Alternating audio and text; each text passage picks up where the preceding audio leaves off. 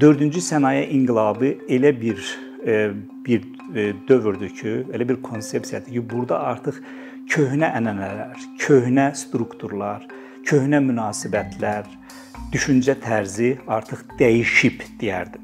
Yəni biz də mütləq bu prosesin içərisinə inteqrasiya olunmalıyıq və bunları görüb də öz yolumuzu müəyyən etməliyik.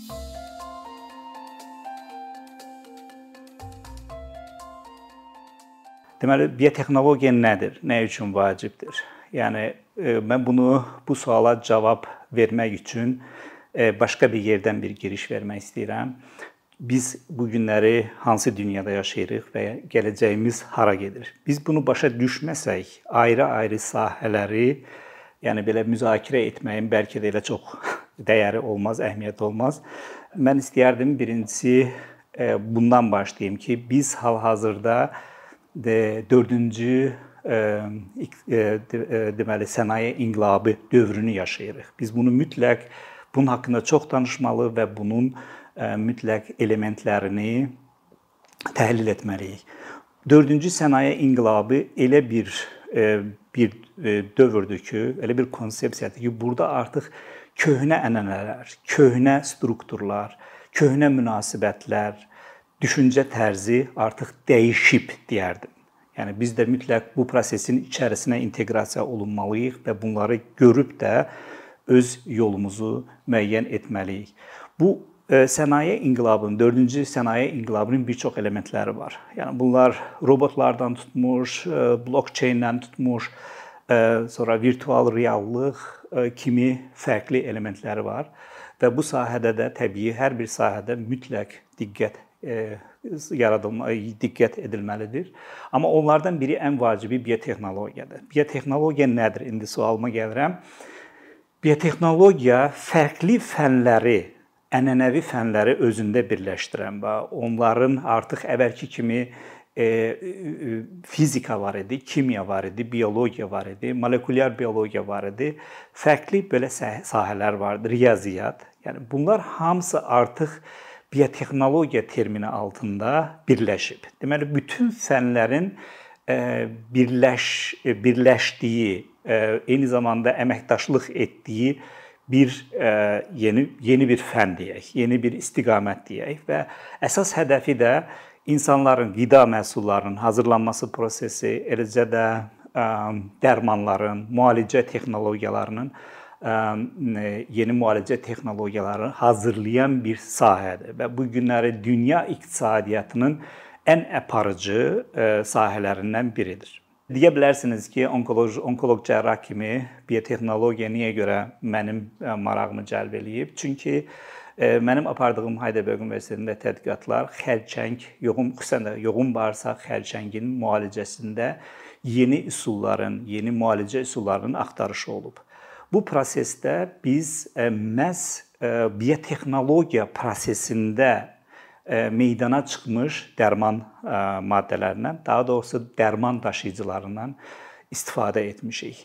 Və bu dərman daşıyıcıları imkan verir ki, deməli kimyaterapevtik şişin şişə əleyhinə olan kimyaterapevtik maddələri şişə birbaşa çatdırmaq mümkün olsun ki, bədənin digər orqanlarına zərər vurmayaq. Onun üçün də bizim istifadə etdiyimiz mənim şəxsən özümün və dostlarımın bir yerdə eksperiment qoyduğumuz xərçəng modeli yaratdığımız heyvanlarda və eksperiment qoyduğumuz, yəni bunlar onların adı bitsdir, xüsusi kisələrdir, plastik kisələr. Onun içərisində dərman yerləşdirilir və o dərman tutaq ki, əgər şiş qaraciyərdədirsə, yalnız qaraciyərdə toplanır. Hal-hazırda üzərində məşğul olduğumuz və Azərbaycanlı dostlarımızla da burada Bakı Dövlət Universiteti ilə də birgə işlədiyimiz bir proje var.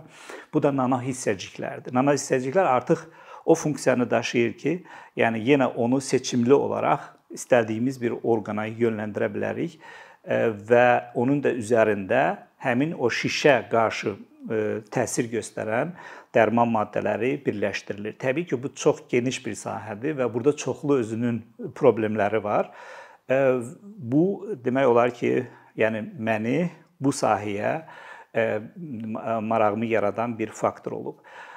Nümunələr isə çoxdur. Bəzilərini sizə sizin nəzərinizə çatdırmaq istəyirəm. Bunlar bunlar nədən başlayır? Birincisi, bunlar gen mühəndisliyindən başlayır. Yəni genlərin, DNT-nin dəyişdirilməsi, rekombinant gen, genlər deyirlər. Bu genləri birləşdirib də yeni funksiya, yeni funksiyalar, fərqli fəaliyyət göstərən proteinlərin sintezini təmin etmək. Yəni bu biotexnologiyanın bəlkə də başdan başladığı bir yerdə, amma indiki vəziyyətdə, indiki situasiyada bu təxminən 1980-ci illərdən başlayıb və indiki e, dövrdə elədir ki, artıq biz kök hüceyrələrindən, kök hüceyrələri e, danışırıq. Kök hüceyrələri elə bir hüceyrələrdir ki, onlar e, deməli onların identifika identi, identifikasiya olunmurlar. Onlar istənilən bir situasiyada özü dönüb qaraciyər e, toxuması hüceyrəsi ola bilər, dönüb əzələ hüceyrəsi ola bilər.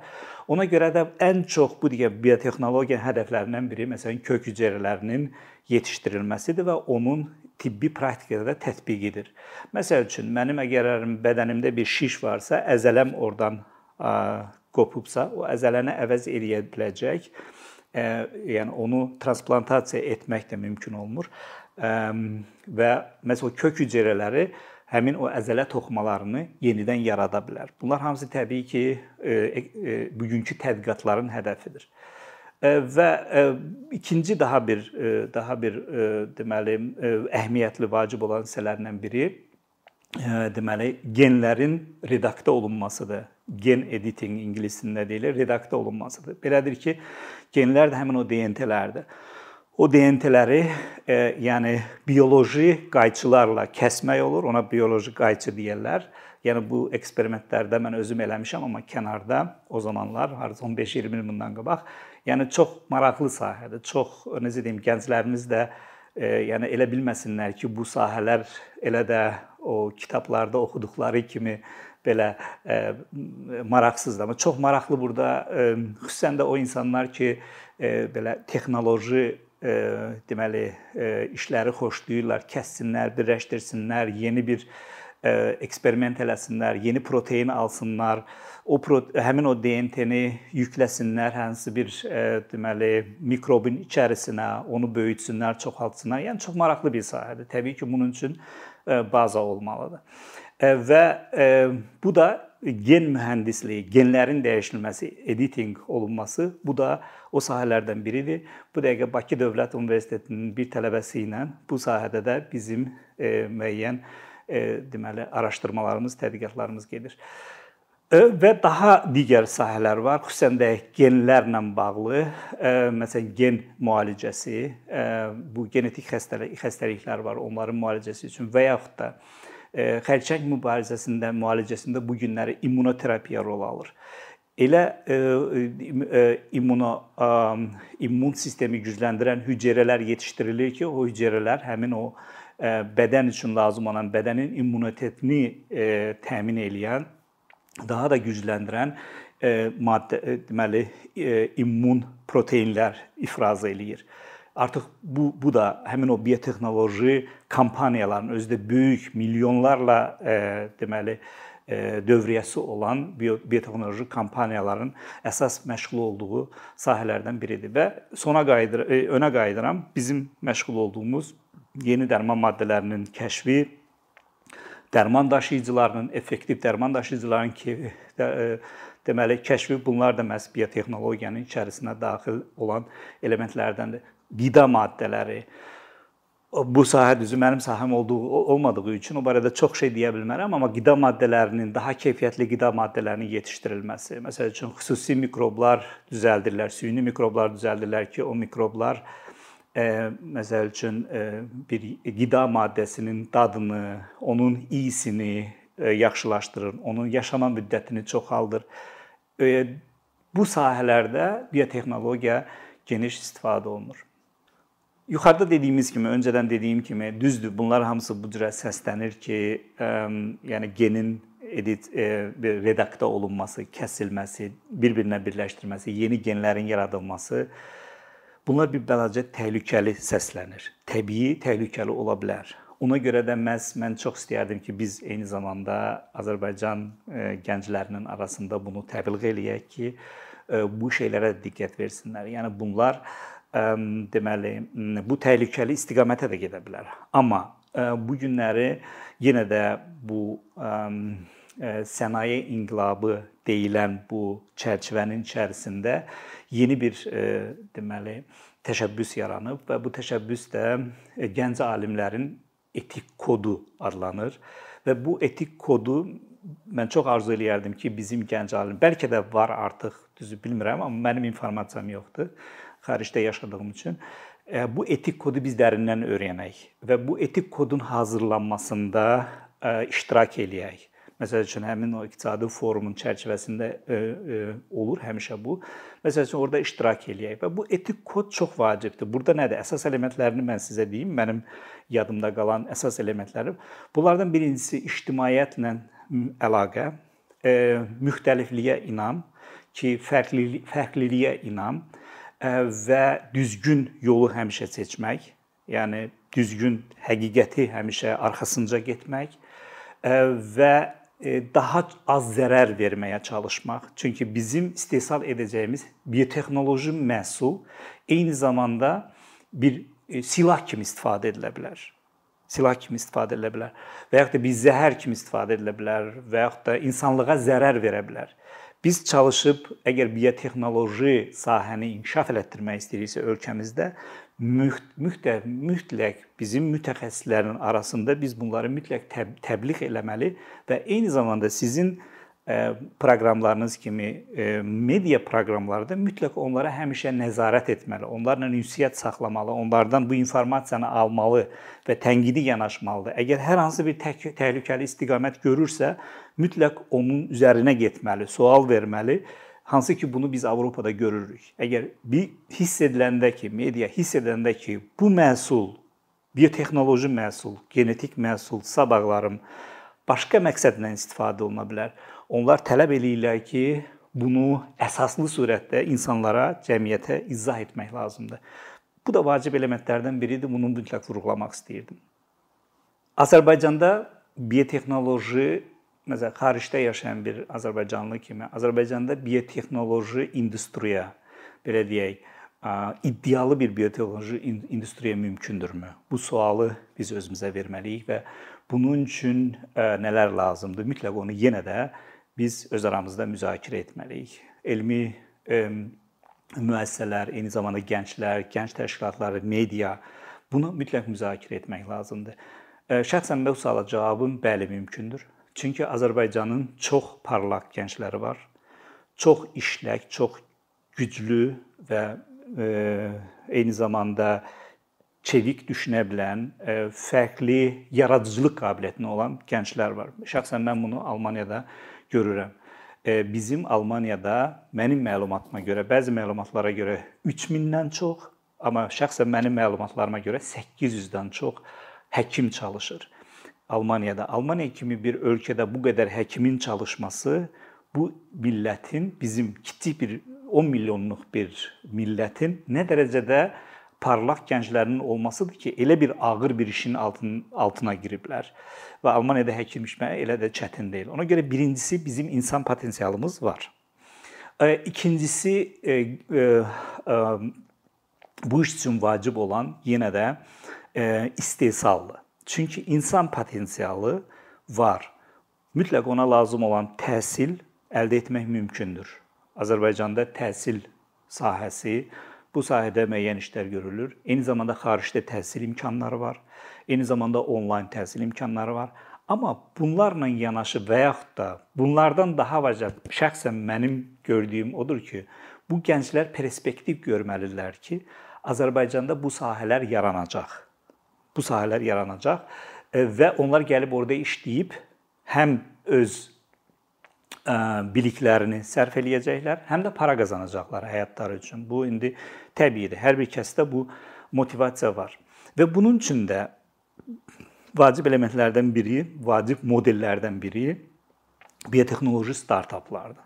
Almaniyada minlərlə biotexnoloji startaplar var. Bu startaplar nədir? Məs 3-4 alim və ya bir alim, iki alim birləşir, özünə bir startap yaradır və hökumət ona qrant verir. Kredit yox, qrant verir və yaxud da əgər artıq özlərini təsdiq eləyiblərsə, onlara kredit də verə bilər ki, çünki bilir ki, artıq bunlar özləri istehsal etdikləri biotex bioloji, biotexnoloji, dərman maddəsidirmi, virusdumu, DNT-dirmi, ya fərq etməz. Fərqli çoxlu məhsullar var. O məhsulları e, e, sintez eləyirlər, yaradırlar və onu e, satırlar və onlara bu zaman artıq kredit verirlər çox aşağı faizlə və onlar da yavaş-yavaş böyüyürlər və onlara bir nümunə məhz bizim bu günləri bildiyimiz hamının mənim də vaksin olunduğum BioNTech firmasıdır. O kiçik bir startapdan böyüyüb bu günləri dünyanı xilas eləyə biləcək potensiala malik bir dər, bir vaksin sintez eləyir. Bu bir daha göstərir ki, baxın, yəni kiçik bir startap gəlib hara çıxıb və bu günləri iddialı bir dərman istehsal edir və bütün dünya da onun ondan bəhrələnir. Ona görə də mütləq bu iki proses bir yerdə getməlidir və bunun üçün də mütləq Azərbaycanda ola bilsin yenə də var, amma mənim məlumatım yoxdur. Mən elə demək istəmirəm ki, bizdə heç nə yoxdur. Amma ola bilsin var, amma amma görünmür. Azərbaycanda e, biotexnoloji startapları mütləq həvəsləndirmə proyekti, proqramı başlamalıdır. Və bu proqram da elə olmalıdır ki, kiçikdən böyüyə getməlidir elə bir e, e, konsepsiya seçməliyik ki, kiçikdən böyüyə. Öncə kiçik məhsullar istehsalına başlamaq lazımdır və elə olmalıdır ki, onlardan da tələb çox olmasın. Frustrasiya olmasın. Çünki mən eşitmişəm ki, bəzi biotexnoloji startaplar olub Azərbaycanda və yaxud da var mənim eşitdiyim. Amma onlarda o qədər çox tələb eləyiblər ki, biznes strukturlar ki, para qazan, para qazan və orada demotivasiya formalaşıb. Bunları nəzərə alaraq, bu faktorları nəzərə alaraq kiçik biotexnoloji startaplar formalaşdırmaq olar. Biotexnoloji startapların üstünlüyü nədir? Üstünlüyü ondan ibarət ki, burada həm elm var, həm təhsil var, həm də istehsal var. Bu o deməkdir ki, biz bunu ilə həm bilik yaradırıq startapla, həm məhsul yaradırıq, həm də məhsulu satırıq. Məhsulu satırıqsa, eyni zamanda bizim startapımız para qazanır. Ona görə dövlətin artıq maaşı artırmağa ehtiyacı yoxdur. Orda olan həmin o mütəxəssislər eyni zamanda startapdan maaş ala bilərlər. İki yerdə maaş ala bilərlər. Bunu Almaniyada e, bizim mənim e, yəni öz eksperimentlərini qoyduğum laboratoriyalarda zaman-zaman mənim tələbələrimin indi eksperiment qoyduğu e, laboratoriyada, elmi laboratoriyalarda heç olmasa bir 15-20 kiçik startaplar var. Və bunların da Azərbaycanda bu prinsip əsasında ki, bilsək biz bilərək ki, bizim insanlarımız parlaqdır, yaxşı gənclərimiz var. Onların təhsilinə fərqli yollarla onsuz da e, qoyulur, e, e, investisiya qoyulur və bu cürə startaplarda həvəsləndirməklə biz gələcəkdə 10 ildən sonra 20 ildən sonra artıq bu gün necə ki BioNTech bütün dünyaya vaksin satır, elə bir dərman, genetik materiallar istehsal eləyə biləcək böyük kompaniyalar qura bilərik. Bir neçə ildir ki, əkinçi olaraq Azərbaycanlı izləyicilərin hər zaman faydalana biləcəyi keyfiyyətli və ən əsas ödənişsiz kontent hazırlamağa çalışırıq. İndiyədək təqdim etdiyimiz onlarla animasiya və yüzlərlə çəkilişlər tələbələrin, mütəxəssislərin, müəllimlərin və ümumiyyətlə yeni mövzulardan xəbərdar olmaq istəyən çox sayda insanın marağına səbəb olub. Bu illər ərzində hazırladığımız videolar təhsil, texnologiya, ictimai fəallıq, iqtisadiyyat, gender bərabərliyi, ətraf mühit, ifadə ifadə azadlığı, hüquq, demokratik inkişaf, mədəniyyət və digər mövzuları əhatə edib. Məqsədimiz çoxlu baxış gətirən deyil, çoxlu fayda gətirən videolar hazırlamaqdır. Amma bu düşündüyümüz qədər asan deyilmiş. Gördüyümüz iş kifayət qədər resurs, əmək və təbii ki, davamlılıq tələb edir. Bu səbəbdən Patreon platformasından istifadəyə başladıq. Əkinçinin Patreon hesabının populyarlaşmasına çox böyük ümidlərimiz və gözləntilərimiz var. Bəziləriniz Patreon haqqında ilk dəfə eşidirsiniz. Əslində çox sadə izahı olan bir platformadır. Təsəvvür edin ki, siz rəssam və ya musiqiçisiniz. Sosial şəbəkələrdə sizi izləyən, işinizi bəyənən çox sayda insan var. Patreon platforması sizə imkan verir ki, izləyicilərinizin könüllü aylıq ödənişləri sayəsində işinizi davam etdirəsiniz. Sərgi, konsert zallarından asılı qalmayasınız. Amma bu təkcə rəssam və musiqiçilərə aid deyil. Məsələn, əkinçiyə bənzər fəaliyyətlə məşğul olan bəzi layihələrin 10 minlərlə patronu var. Biz də düşündük ki, nə üçün əkinçinin Patreon hesabı olmasın? Sizin dəstəyiniz sayəsində biz daha çox və daha keyfiyyətli kontent yaratmağa davam edə biləcəyik. Amma bu dəstək yalnız maddi dəstək deyil. Dəstəkçilərimizin sayının artması gördüyümüz işlərin faydalı olduğuna dair əminlik verir. Patreon platformasından istifadə çox sadədir. Hesabınızı açırsınız, sizə uyğun dəstək növünü seçirsiniz və Patreon özü hər ayın ilk günü kartınızdan seçdiyiniz dəstək növünə uyğun ödəniş tutur. Bu qədər. Sonda onu demək istəyirik ki, dəstəkçilərin sırasına qoşulmaq istəyən, amma məhdud imkana görə bunu edə bilməyənlər narahat olmasın. Daha öncə dediyimiz kimi, bizim əsas məqsədimiz daha çox insanın hər zaman faydalana biləcəyi keyfiyyətli və ödənişsiz kontentin yaradılmasıdır. Bunun üçün mütləq patronumuz olmalısınız deyə məcburiyyət yoxdur. Amma imkanınız patron olmağa çatırsa və bizim işimizi bəyənirsinizsə, patronlarımızın sırasına qoşulmağınız bizim üçün çox önəmlidir.